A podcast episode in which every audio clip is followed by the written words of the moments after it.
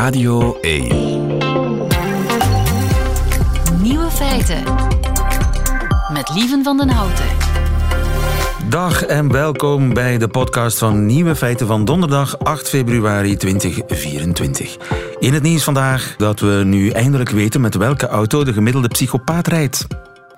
Want een Britse autosite die vroeg aan 2000 bestuurders in welke auto ze reden.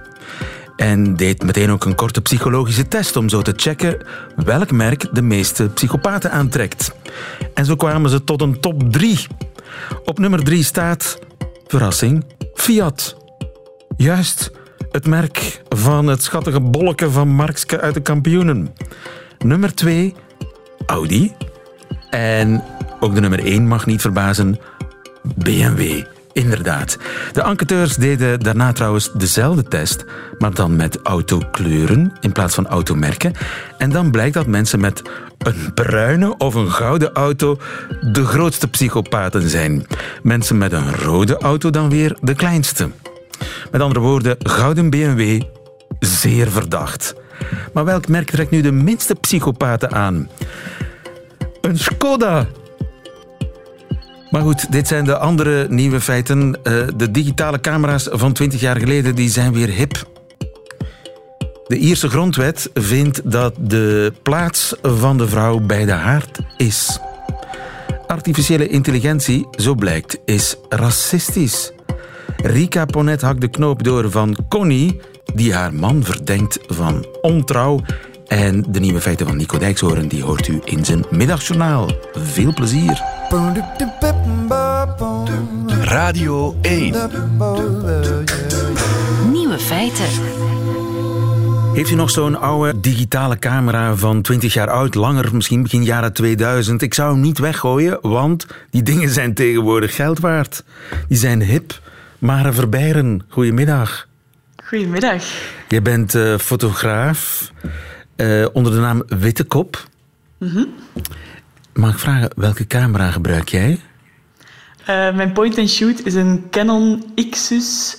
Goh, schiet mij niet dood welke. En die komt uit het jaar 2005, geloof ik. Jij bent een professionele fotograaf en jij uh, werkt soms, niet altijd, met een camera van 20 jaar oud.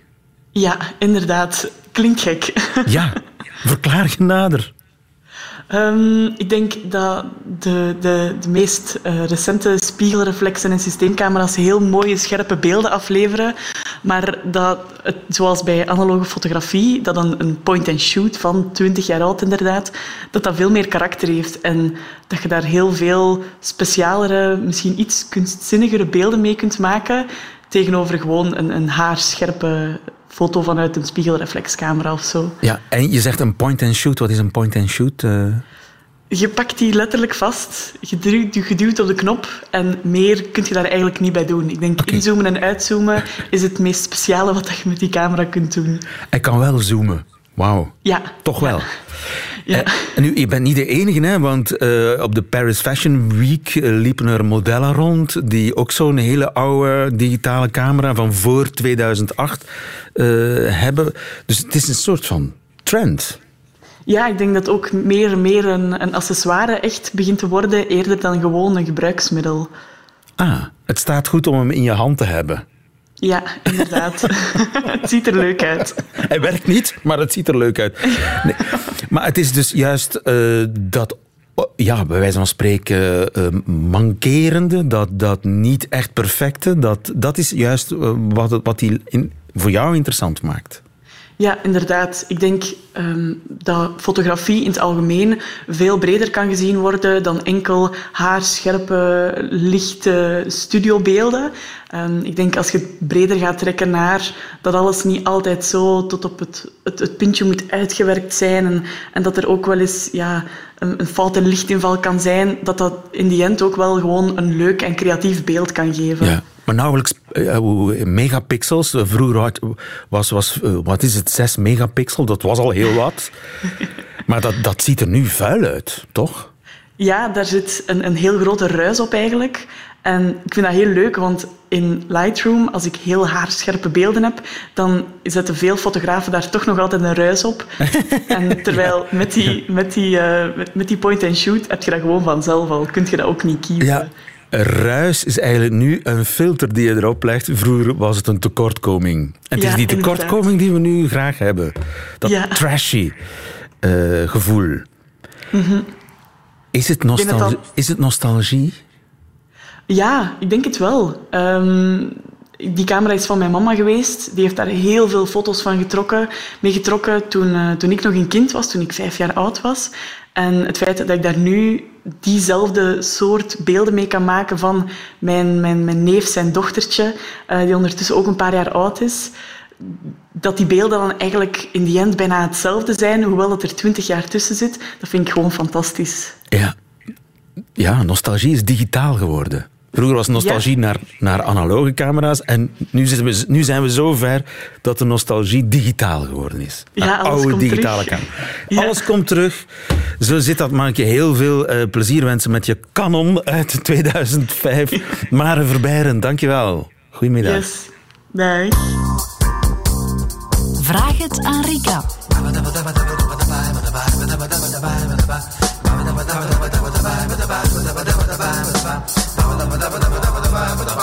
Dag Rika Ponet. Hallo, dag lieve. Goedemiddag en zoals altijd eh, op donderdagmiddag kom jij in nieuwe feiten knopen doorhakken van luisteraars die een brief hebben geschreven. Ja, aan Rika met een vraag voor jou. Ik pik er die van Connie uit. Connie is 59 en ze schrijft: Ik ben 32 jaar gehuwd met mijn man.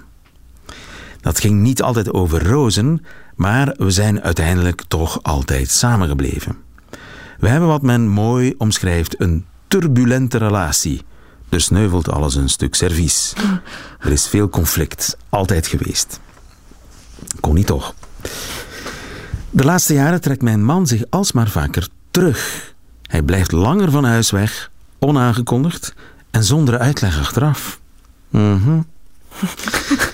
Ik vermoed al langere tijd dat hij een ander heeft, maar hij ontkende dat altijd. Maar recent heb ik ontdekt dat er wel contacten, Oei, contacten, contacten. Ja. contacten zijn met een vrouw. Hij zegt dat er geen relatie is, alleen vriendschap. Tuurlijk. Huh? Ik probeer hem met alles wat in mij zit toch in ons huwelijk te houden, maar wil hem niet kwijt. Nu heeft hij mij voor een ultimatum geplaatst. Getrouwd blijven en hem zijn gang laten gaan of weggaan. Zo. Eigenlijk willen we geen van beiden scheiden, schrijft Connie. Dat zei hij al herhaaldelijk, maar moet ik dit zomaar accepteren? Dat hij zijn gangen gaat. Het. Het is dat of eh, Of, weggaan. of weggaan. Ja. Maar dat vind ik nog straf, dat, dat hij zegt, ofwel ga jij maar weg. ja. Weet je? ehm, ja. Eh, Ik vind hem niet zo leuk, eerlijk gezegd. eh, nee, het is geen, eh, op zich is dat geen leuk verhaal. En ik denk dat... Wat ik mij ehm, ook altijd afvraag is, waar eet hij? Daar, zeker weten. Thuis. Thuis, hè? Ja, ja, ja. En daar zal zijn was ook gebeuren.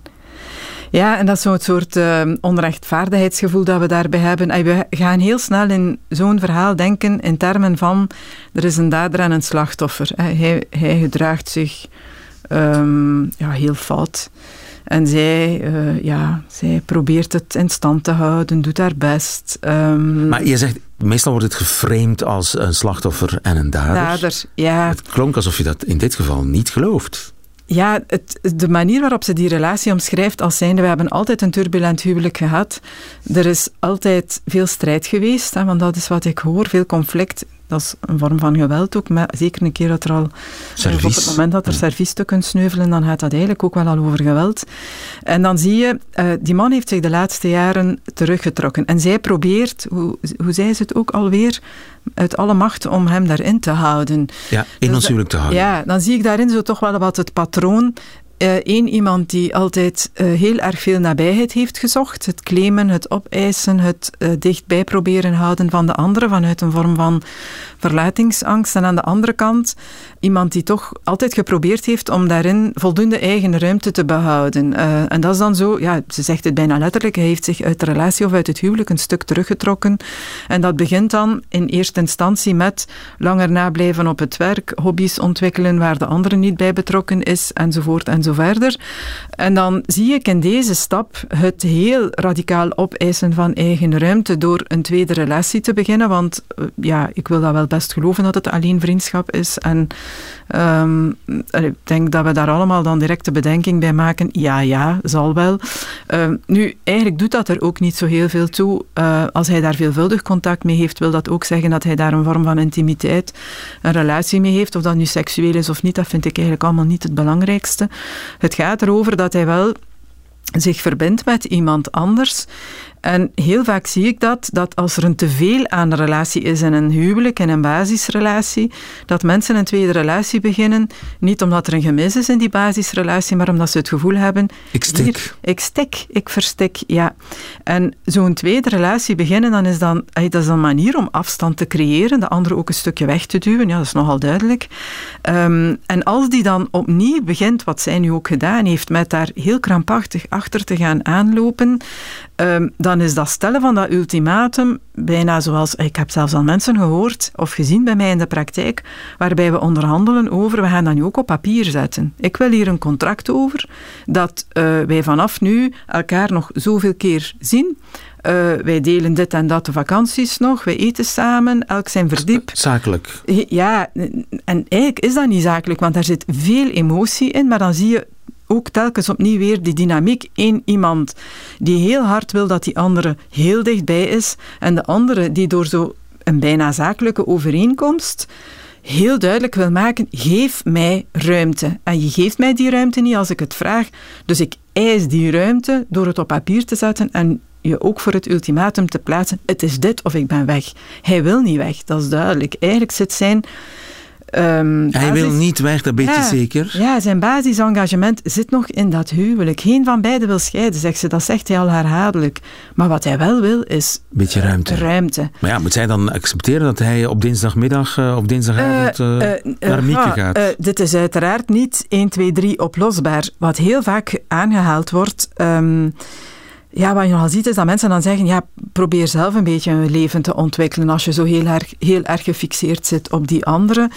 Zo werkt dat niet. Eigenlijk zie ik dan heel vaak dat mensen ja, daar heel gefrustreerd rond geraken, uh, uiteindelijk het toch niet kunnen laten om die andere te controleren, daar achteraan te lopen. Wat ik haar in eerste instantie als advies zou geven is, um, je bent nu heel de tijd bezig met hem. Hè, met het behoud van dat huwelijk en met hem, met zijn komen en gaan, met wat hij niet doet, met waar hij zit. daar ben ik echt zeker van. Vermoedelijk, als ze zegt, ja, ik heb ontdekt dat hij veel contacten heeft, vandaag is dat altijd in de gsm gekeken, uh, dat zo, uh, op, in de mails ge gezocht, controle, controle, controle. Dat jaagt die angst eigenlijk, of die ma dat maakt die angst al maar sterker en uiteindelijk ben je alleen nog maar bezig daarmee. Mijn vraag is, wat maakt jou nog gelukkig in dit verhaal? Ja, wat, ja, wat, Goeie wat, vraag. Wat wil jij? En dat is iets helemaal anders dan je wil je leven toch niet leiden door heel de tijd achter iemand aan te lopen en heel de tijd al jouw energie te stoppen in te pogen de andere dichtbij te houden of dichtbij te halen. Kan je ergens naar een rustpunt gaan waarin je voor jezelf kan beslissen: zie ik die man nog graag? Is zoals wij ons vandaag verhouden en misschien ook in het verleden verhouden hebben, met het sneuvelen van servies en dergelijke meer, is dit de wijze waarop ik graag leef met iemand en waarop ik graag mijn leven invulling geef. Ja. En als het antwoord daarop ja is, um, ja, dan kan er mogelijk een volgende stap gezet worden. Kan ze hem dat ook nog vragen? Ik weet niet of dat mogelijk is, hè, maar ik denk dat ze hier niet alleen uitkomen. Ik geef niet snel advies van ga bij iemand langs of uh, doe dat dan in het bijzijn van een andere. Maar als een patroon zich al zo lang Ja, ze zijn 32 jaar getrouwd. Ja, zo lang, uh, al zo lang Weet ik veel, hoeveel serviezen zijn al gesneuveld? Inderdaad, ja, dus er, heeft, er zit ook een mooie kant aan. Regelmatig is een ander servies. um, als je het vorige dan wel lelijk vond, heb je dat nu... Uh, maar ja, nee, ik denk, hier raak je... hier raak je niet zelf uit, hè? denk, denk het ook hier, niet. Hè? En omdat dat is zo een onveilig verhaal door de jaren heen. Maar in theorie is het mogelijk dat ze effectief tot een, tot een soort van overeenkomst komen waarbij hij wat meer afstand houdt en, en zij zich onthoudt van ja, uh, spionagepraktijken. Ja, ik denk dat uh, wat voor haar in eerste instantie kan helpen is uh, effectief proberen naar voor zichzelf een rustpunt te gaan. En dat zeker die, die onrust niet te gaan voeden door al maar meer, al maar vaker te controleren, daarmee bezig te zijn. Um, is de stap samen niet mogelijk, dan denk ik dat zij daar veel baat kan bij hebben om voor zichzelf zo'n stap te zetten. In de zin van, ik ga nu eens naar mezelf kijken in deze relatie ja. en kijken of ik... Een zelftherapie, ja, alleen, zelf, dus alleen zelf bij iemand, raad zoeken. Met, ja, ja, met iemand te gaan praten. En in de veiligheid van zo'n context zie je dat mensen um, ja, vaak wel naar dat soort van rustpunt geraken. Dat heb ik ook al meegemaakt. En dat men dan inderdaad aanvaardt ik had onlangs zo'n stel en um, ja, zij, heeft, uh, uh, zij is ziek en hij is nog kerngezond en ja, wil nog van alles en nog wat in het leven, zijn zeventigers. En uh, zij aanvaardt vandaag dat hij doet wat hij doet. Um, ja. En onderschat het ook niet. Op het moment dat je die andere de toestemming heeft om dat te doen, betaalt die ander daar ook een prijs voor in de relatie. Zeker als er niet gescheiden wordt, of aan de andere kant zit er iemand die ook niet wil scheiden. Um, dan zie je dat daar een aspect van schuldgevoel zit. Hè. Ik wil mijn vrouw niet in de steek laten, ik wil niet de slechte man zijn. En als die vrouw dan zo groothartig is van dat toe te staan, dan ontstaat aan de andere kant vaak ook een vorm van ongemak. Ja, uh, wordt Mieke wordt, minder aantrekkelijk. Ja. Uh, de andere bedoel ik, andere, ik heb, noem ze nu ja, Mieke, het kan ook wordt, uh, Estelle zijn. Ja, de tweede relatie plots wel wat minder aantrekkelijk. Ja, ja zie eens wat, wat mijn vrouw groothartig naar mij toe doet en wordt dat eigenlijk. Um, en dan zie je dat heel die dynamiek stoppen alleszins met de wijze waarop ze zich vandaag gedraagt in die relatie, kan al een verandering met zich meebrengen. Ja, dat is ook goedkoper het. voor het servies. Okay. Dankjewel, Rika Ponet. Uh, als er nog vragen zijn voor Rika, laat het ons weten. Uh, laat, het voor, laat het vooral aan Rika weten via nieuwefeiten.radio1.be. Tot volgende week. Graag. Nieuwe feiten. Radio 1. Volgens de Ierse grondwet moeten vrouwen het huishouden doen. Maar misschien gaat dat veranderen. Peter van der Meers, goedemiddag. Goedemiddag. Je bent hoofd van het Mediahuis Ierland. Je woont in Dublin. Er komt een referendum op 8 maart, Vrouwendag, ja. nota bene. Beslissen de Ieren of die, ja, hoe zal ik zeggen, huisvrouwenclausule uit de grondwet moet of niet. Juist. Eh, de grondwet eh, in Ierland hier dateert uit 1937. was natuurlijk andere tijden. Een grondwet die overigens meegeschreven werd destijds, zo blijkt, door de katholieke eh, kerk. En er staan een aantal zaken in die grondwet die de Ieren nu willen veranderen. Ja. Ze hebben daarover, en dat is zeer Iers, een Citizens Assembly samengeroepen. Dat zijn burgers die samenkomen en die voorstellen doen. Het is een soort vorm van democratie. Het is niet het parlement, het zijn geloofd burgers die samenkomen. En die hebben nu een advies gegeven aan de regering en gezegd: hou een referendum over het schrappen van twee of het veranderen van twee artikelen uit de grondwet. En die zijn aan elkaar gelinkt. Eén heeft te maken met de positie van de vrouw, de andere heeft te maken met hoe we een familie definiëren. En die twee artikelen worden nu uh, voorgelegd in een referendum, inderdaad op, uh, uh, en niet toevallig, de datum is bewust zo gekozen, op, op Internationale Vrouwendag. Maar dus die grondwet heeft het over de vrouw haar duties in the home. Wat zegt die grondwet eigenlijk? De grondwet zegt nu, en uh, die zegt letterlijk, de staat erkent dat door haar leven thuis, home, de vrouw de staat steunt. Zonder die steun zou het gemeenschappelijk goed niet kunnen worden bereikt. Mm -hmm. En vervolgens zegt men in die grondwet, de staat zal er naar streven dat de moeder niet door economische noodzaak verplicht zal worden om te gaan werken en haar plichten in het huis te verzaken. Oei. Dus in 37 vond men, we moeten die vrouw in het huis houden. En het wordt overigens ook wel geïnterpreteerd, is dit niet mooi? Vrouwen nu, die overigens tegen, sommige vrouwen die tegen de verandering van dit artikel zijn, die zeggen, but this is an aspiration. We kunnen maar hopen dat we niet moeten gaan werken, dat we thuis kunnen blijven. Maar het is natuurlijk niet meer van deze tijd dat de grondwet zegt, eigenlijk zegt dit artikel, kijk, we moeten er met z'n allen voor zorgen dat, Dat de vrouw vrouw aan de haar blijft, ja.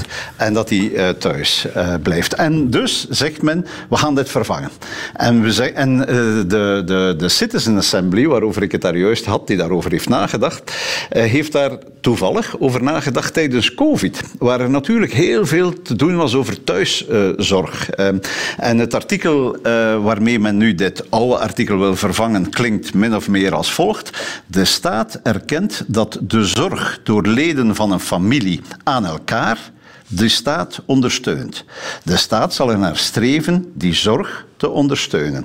Dus eigenlijk vervangt men het begrip van moeder de vrouw aan de haard door eh, mantelzorg, door care. We, gaan er, we, we erkennen dat eh, mantelzorg een waarde heeft en we zullen als staat proberen die eh, mantelzorg te ondersteunen. Ja. Overigens is men niet zo ver gegaan, want de Citizen Assembly stelde dat wel voor, om dan ook te zeggen, en die mantelzorgers krijgen een loon. Juist, er staat strive.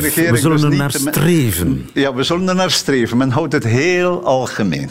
En het tweede artikel dan, dat, en dat, dat eh, minstens even boeiend is dat daar ook mee te maken heeft, is een artikel waarin nu ehm, in de grondwet definieert men de familie als ehm, een, een, eh, een eh, familie die gebaseerd is op het huwelijk. Er staat letterlijk, de staat verbindt er zich toe om de instelling van het huwelijk, waarop de familie is gestoeld, te beschermen tegen elke aanval. En nu zegt men natuurlijk, ja, familie heeft een, een, een, een, waarde in het recht. Hè. Als men spreekt over erfenisrecht of over eh, bezit of over... eh, ja, dan is het belangrijk, zijn mensen familie van elkaar of, eh, of niet? Nu zegt men, ehm, familie, het begrip familie gaat men nu uitbreiden, whether founded or marriage or other durable relationships. Een familie kan gebaseerd zijn op het huwelijk, maar ook op andere duurzame relaties. En dus die twee artikelen worden samen voorgelegd. Het ene, waarover het juist de moeder de vrouw op het groene formulier, meneer. Het andere op een witte formulier. En die, daar kunnen burgers nu ja of nee aan eh, kruisen. Of ze het eens zijn met die verandering. Dus het moderniseren van de grondwet, waarin men enerzijds zegt. Het gaat niet over de moeder aan de haard, het gaat over thuiszorg. En anderzijds zegt, kijk, eh, familie is meer dan mensen die met elkaar getrouwd zijn. Dat kan een eenoudergezin zijn, eh, dat kan een grootouders zijn die voor kleinkinderen zorgen. eh, een durable relationship, een, du- een duurzame relatie. Zijn er eigenlijk peilingen? Is er de, is de verwachting dat die wijzigingen er komen? Ja, zeker. Er zijn peilingen. ehm, en de peilingen zijn op dit moment. Om te beginnen zijn de, de- het eerste wat de peilingen zeggen. Nobody gives a fuck. Niemand is geïnteresseerd. Hè. Echt? Is iets. eh, wel, in de zin van. We hebben wel andere zorgen. Zeggen eh, ook vrouwen, eh rechtenbewegingen en politieke partijen. Die zeggen: zeg, we hebben toch wel andere zorgen. dan een aantal woorden in die grondwet te veranderen. Ehm, eh, in, in de zin van eh, in de zin van eh, eh, discriminatie, in de zin van migratie en immigratie. Hier in Ierland, een van de, de, de, de plekken waar housing, eh, gewoon door een gebrek aan huizen, waar huur ongelooflijk duur is. Dublin is een van de duurste steden ter wereld om te, te huren, dus wat leidt tot heel veel dakloosheid. Dus mensen zeggen, we hebben wel andere problemen. Nu, ja, andere mensen zeggen, het is toch wel fundamenteel hè, dat in de grondwet de juiste dingen staan. Zoals een ex-premier zei, de grondwet is geen vodje papier. Dat moet je echt eh, op, een, eh, op een manier mee, eh, mee omspringen die serieus is. Dus, en dan zeggen de peilingen, ongeveer de helft van de mensen die gaat stemmen, iets meer dan de helft, zal ja stemmen. Een kwart zal nee stemmen en een kwart weet ik nog niet. Om te beginnen zullen weinig mensen gaan stemmen. Maar van zij die stemmen is ongeveer een, een dikke helft zal ja stemmen. En de meeste politieke, al, ik denk zelfs alle politieke partijen, zowel in de meerderheid als in de oppositie, als vakbonden, vrouwenbewegingen, zeg maar het middenveld, die roepen eigenlijk allemaal op als ze al oproepen, want je mag niet denken dat er hier heel veel campagne is, maar die roepen allemaal op om twee keer ja te stemmen, om twee keer, om twee keer dat, dat uh, te veranderen. Uh, in 1937 schreef de katholieke kerk mee aan de grondwet, zei er net. Is dit Ierland die langzaam maar zeker onder dat juk van de katholieke kerk vandaan kruipt? Oh, dat is zeker ook weer een nieuwe, een nieuwe steen die valt. En er zijn natuurlijk, uh, je kan de grondwet in Ierland enkel veranderen door referenda. Um, en er zijn in de voorbije tien jaar twee heel belangrijke referenda geweest, die nog veel fundamenteler waren en die wel tot heel veel debat uh, geleid hebben in de maatschappij. En dat was in 16, denk ik, een referendum over het, uh, het same-sex marriage, over het, het homohuwelijk. en twee jaar later, in 18, een, heel zwaar bevochten referendum over abortus. En zowel over het homohuwelijk als over abortus hebben de Ieren eigenlijk massaal gezegd: ja, we willen dit. Um, dus de Ierse maatschappij zegt in, in de voorbije 10, 15, 20 jaar fundamenteel uh, veranderd. En die twee zaken die nu um, uh, weer worden voorgelegd, zijn daar weer een, een steentje van. Uh, overigens is het boeiend om te zien waarom mensen, want eigenlijk als je het van de afstand bekijkt, denk je ja, iedereen is daar toch wel voor, dat de familie meer is dan het huwelijk en dat de vrouw niet aan de haard moet zitten. Dus ik vroeg mij af, toen ik, toen ik erover aan het nadenken was, dacht ik ook, wat zijn eigenlijk de argumenten om nee te stemmen? Waarom zeggen we altijd een kwart? We gaan uh, nee stemmen. Aan de ene kant zijn een aantal conservatieven die zeggen ja, maar het huwelijk is echt bijzonder en we moeten het huwelijk echt in de uh, grondwet uh, houden. Andere mensen zeggen, waar ik daar juist al op alludeerde, het gaat gewoon niet ver genoeg. We hadden moeten zeggen, ja, we gaan die mantelzorgers ook betalen. Dus die zeggen, we stemmen nee omdat het niet ver genoeg gaat.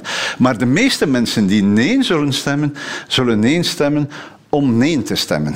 Omdat ze niet uh, tegen deze elementen in de grondwet zijn, maar omdat ze tegen de regering zijn. Omdat ze um, uh, een referendum, en dat weten heel veel politici die referenda uitroepen, een referendum gaat in veel gevallen niet over de vraag waarover het gaat, maar over iets veel, veel groter. Een van de beroemdste voorbeelden daar is in 1969 roept Charles de Gaulle in Frankrijk, dan president, een referendum uit over de regionalisering van het land. En het wordt het referendum voor of, of tegen, tegen, de, de goal. goal. Ja, zo gaat het en vaak. De mensen stemden nee en de goal stapte op. Hè. Dix ans, suffit, riepen de mensen in de straten na de studentenbeweging. Dus het ging niet over regionalisering, het ging over de goal. En even was de regering bang dat het hier niet zou gaan over de regering, maar eigenlijk een soort, een soort anti-regeringsstem zou worden, wat het op dit moment niet aan het worden is. Overigens nog één ding dat eigenlijk wel heel ironisch is. Men heeft dus om symbolische reden gezegd: we gaan dit referendum houden op 8 maart, Vrouwendag. Uh, in Ierland wordt er niet op zondag gestemd, zoals in België. Een referenda ook niet, uh, maar vinden wel in scholen plaats. De scholen moeten gesloten worden om dit referendum te organiseren, om daar de stemhokjes te plaatsen. Nu zeggen veel vrouwenbewegingen: dit is wel ironisch, de scholen worden gesloten. Wat wil zeggen dat met name heel veel vrouwen zullen thuis zijn om voor de kinderen, kinderen. Ja. En ze kunnen dus niet gaan stemmen voor dit referendum. En dit is eigenlijk wel het toppunt van ironie, dat een referendum dat moet gaan over de plaats van de vrouw en de rechtvaardige en de gerechtigde plaats van de vrouw in de Ierse samenleving. Dat vrouwen, en vooral vrouwen, um, nog altijd thuis zullen zijn om voor de kinderen te zorgen en niet kunnen gaan stemmen. We zullen zien wat het wordt op 8 maart, of er nog verrassingen uit de bus komen. Peter van der Meers in uh, Dublin voor ons, dankjewel. Goedemiddag. Graag gedaan. Nieuwe feiten. Radio 1. Is artificiële intelligentie racistisch? Koen Peters, goedemiddag. Goedemiddag. Je bent uh, antropoloog bij het Instituut voor Tropische Geneeskunde. En je hebt dit onderzocht. Hoe kwam je daarbij om dat te onderzoeken? Ja, um, wij wouden een tentoonstelling houden in Oxford, waar dat we de stereotypen een beetje binnen de gezondheidszorg wat we omdraaien, vooral binnen de globale gezondheidszorg. En in plaats van altijd bijvoorbeeld een arm Cambodjaans kind of zo onder een bednet te portretteren in beelden, wou we dat eens omdraaien. bijvoorbeeld een rijke businessman onder een bednet. Of een bednet? Zoals we daarna... Wat is een bednet? Een bednet, een klamboe, dat is wat dat meestal gebruikt wordt bij malariabestrijding. Oh ja, een, een moustiquier, zoals we zeggen. Ja, zo, ja ik weet niet een hoe muggengaas. Dat, ja, Zo een, een muggennet, ja, een ja. muggennet. En ehm, want dus dat we dat probeerden te doen, was in Photoshop bijvoorbeeld heel moeilijk, omdat die beelden dezelfde uh, ja, sterkte moesten hebben en zo. Dus we dachten, we gaan artificial intelligence ter hulp roepen om dat voor ons te doen. En bijvoorbeeld te vragen, zwarte Afrikaanse dokters die blanke kindjes helpen in plaats van altijd het omgekeerde. En tot onze grote verbazing dan, omdat een beetje per ongeluk, merkten we dat die dus dat niet kon. En dus gewoon dezelfde stereotypen verder reproduceerde in plaats van het om te draaien. Dus artificiële intelligentie is niet in staat om een zwarte arts een wit kindje te laten behandelen? Ja, je zal dat waarschijnlijk wel kunnen coderen als je dus dat helemaal omdraait, maar die, die, zoals Midjourney, wat we gebruikt hebben, dat is de meest uh, geavanceerde applicatie op het moment voor Midjourney. Ja, Midjourney. Uh, dus dat is hetgeen dat de Wereldgezondheidsorganisatie, NGO's, iedereen gebruikt om beelden te creëren. Dus dat is het meest geavanceerd. Dus als je daar gewoon aan vraagt, als prompt bijvoorbeeld, hè, een um, zwarte arts behandelt of helpt een blank kind, dan de beelden die je dan krijgt zijn van blanke artsen die bijvoorbeeld een zwart kind helpen. Hmm. Zelfs als je dat expliciet andersom vraagt. Ja. Want ja, artificiële intelligentie werkt met bestaande materiaal en met clichés en met verwachtingspatronen. Dus ja, eh, AI kan zich dat niet voorstellen dat een... Uh, dat de hulpbehoevende wit is en de hulpverlener zwart. Ja, dat is een van de redenen. Hè. Eh, AI analyseert de bestaande beelden en je vindt heel veel beelden terug natuurlijk hè, van blanke dokters die zwarte kindjes gaan redden in Afrika. En zoals vroeger met Bob Geldof en heel de koloniale, postkoloniale fotografie en zo. Maar je gaat waarschijnlijk heel weinig beelden vinden die dat omdraaien. En dus reproduceert hij gewoon hetgeen dat hij vindt. Wat wel jammer is, omdat je zou verwachten dat hij misschien hè, alles een beetje verder zou kunnen helpen. Maar hij reproduceert uiteindelijk gewoon de stereotypen die al bestaan. Ja. En heb je nog dingen gevraagd? Ja, nog uh, voorbeelden die wij redelijk chockerend vonden. Bijvoorbeeld als je vraagt naar een HIV-patiënt die zorg krijgt, dan geeft Midjourney enkel zwarte mensen. Dus weer geen blanke, terwijl natuurlijk HIV ehm, over heel de wereld een probleem was. Iets anders dat we vroegen is... Uh, zwarte dokters in Afrika. En dan, dan te laten zien dat die dokters zich in Afrika bevinden, paste Midjourney daar een giraf of een olifant bij. Dus het hele stereotype Afrikaanse beeld. Ja, ja kuifje 1950, zoiets. Ja. Nu ja, dat is natuurlijk de aard van het beestje van artificiële intelligentie. Dat is cliché en conservatief. Ik vraag me af, kun je daar wat tegen doen? Ja, ik denk dat er bepaalde dingen zijn die je tegen kan doen. Maar een van de eerste dingen dat ik zeker belangrijk vind, is dat mensen zich bewust van worden dat die artificial intelligence niet ineens een universele waarheid geeft, aangezien we veronderstellen dat dat slimmer is dan de mens en meer informatie heeft als de mens, dus het ook beter zal doen als de mens. Dus dat we er zeker bij moeten blijven stilstaan dat dat niet het geval is. Um, iets anders is, je kan natuurlijk um, artificiële intelligentie trainen met bepaalde databases en die ook informatie geven om zo'n dingen eventueel te vermijden. Uh, bijvoorbeeld in Midjourney, als je iets racistisch zou vragen, dat geeft hij niet. Uh, dan, als je iets expliciet racistisch vraagt, wordt dat gecensureerd. Maar blijkbaar ja, zijn er nog heel veel ja, gewoon reproductie van hoe dat hij de wereld ziet. Jammer genoeg. Ja. Dus je kunt zo'n uh, zo'n mid-journey wel uh, dingen bijleren. Je hoeft niet alleen maar te putten uit de clichés van soms ja, 30, 40 jaar geleden. Nee, je hebt verschillende um, engines die bijvoorbeeld um, informatie halen van het internet. En zoals je zelf ook weet, het internet reproduceert al het goede, maar ook al het slechte van de mens. Dus je zou natuurlijk kunnen die ook trainen op andere soorten databases, bijvoorbeeld sociaal-wetenschappelijk werk of andere um, studies die daar um, mee bezig geweest zijn en dus effectief ook andere opties um, geven aan, die, aan, die, ja, aan dat programma en niet gewoon het internet laten afgaan om te zien wat hij vindt.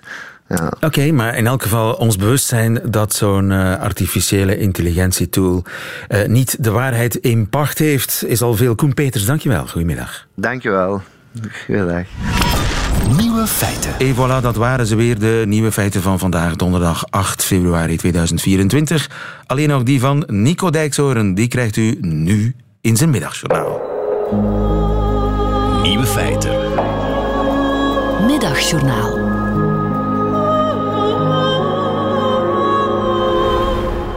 Beste luisteraars, zoals u inmiddels van mij gewend bent, heb ik het op de donderdag altijd over mislukte vogels. Het vervelende is dat die vogels dat zelf helemaal niet in de gaten hebben. Die scharrelen en vliegen over de aarde alsof ze godsgeschenk zelf zijn. Laten we het daarom eens over de reiger hebben. Wat niet veel mensen weten is dat de reiger tot 1963 helemaal geen kuif op zijn hoofd had. Reigers droegen hun veren zoals die uit hun kop groeiden. Veel reigers in de jaren 50 die zagen eruit als handelsreizigers of als schoenenverkopers. Maar ergens, in 1963, verschenen opeens de eerste reigers met het kapsel van Elvis Presley. Let u daar maar eens op. Reigers, die kammen ochtends al hun veren naar voren en daarna vliegen ze heel opzichtig als rockabillyvogels over de weilanden van de mensen. En ik zeg nu vliegen, maar het is natuurlijk eigenlijk meer zweven of staan. Luisteraars, er bestaat geen luiere vogel dan de reiger. Als je het vergelijkt bijvoorbeeld met de mens. Wij staan iedere ochtend op, we ruiken aan de oksels van ons shirt, of we het nog een dagje kunnen dragen. We bewegen ons vloekend en zuchtend naar ons werk. En van het verdiende geld kopen wij voedsel en abonnement op streamingdiensten. Reigers doen niet aan werken. Die gaan met hun kuif langs een sloot staan en daarna wachten ze tot het eten vanzelf in hun bek zwemt. Ze hebben ook geen tanden. Te veel werk namelijk, dat kauwen. Ze zouden eens moe worden. Regers die slikken alles gewoon levend door en in hun maag veranderen kikkers en wat niet al in een witte plakkerige havermoutpap, die bij voorkeur op de motorkap van onze auto's wordt uitgekakt. Ook hier zijn de verschillen weer enorm. Ik heb slechts één keer in mijn leven een mens op een auto zien ontlasten. Dat was mijn oom Wim. Maar dat vertel ik een andere keer nog wel eens. Al met al luisteraars is de reiger een vogel van niks. Hij imponeert ons met zijn lengte. Maar laten we nu gewoon eens even eerlijk zijn. Een volwassen reiger, die komt niet eens tot ons heup. Zou het een mens zijn, dan werkt hij in een Hongaars circus. Waar die enorme arrogantie vandaan komt, weet ik niet. Daarom vraag ik u de reiger voortaan te negeren. Volgende maand, luisteraars, over een andere mislukte vogel, de kip. Luisteraars, tot dan.